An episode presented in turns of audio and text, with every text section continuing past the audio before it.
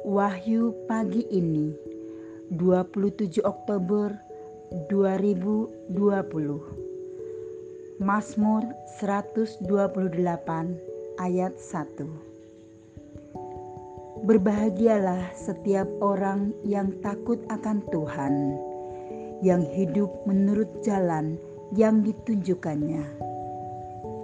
Saudara-saudari terkasih Kerajaan Allah adalah kebahagiaan yang datang dari dalam diri orang yang tidak dihantui rasa bersalah atau berdosa atas segala tindakannya.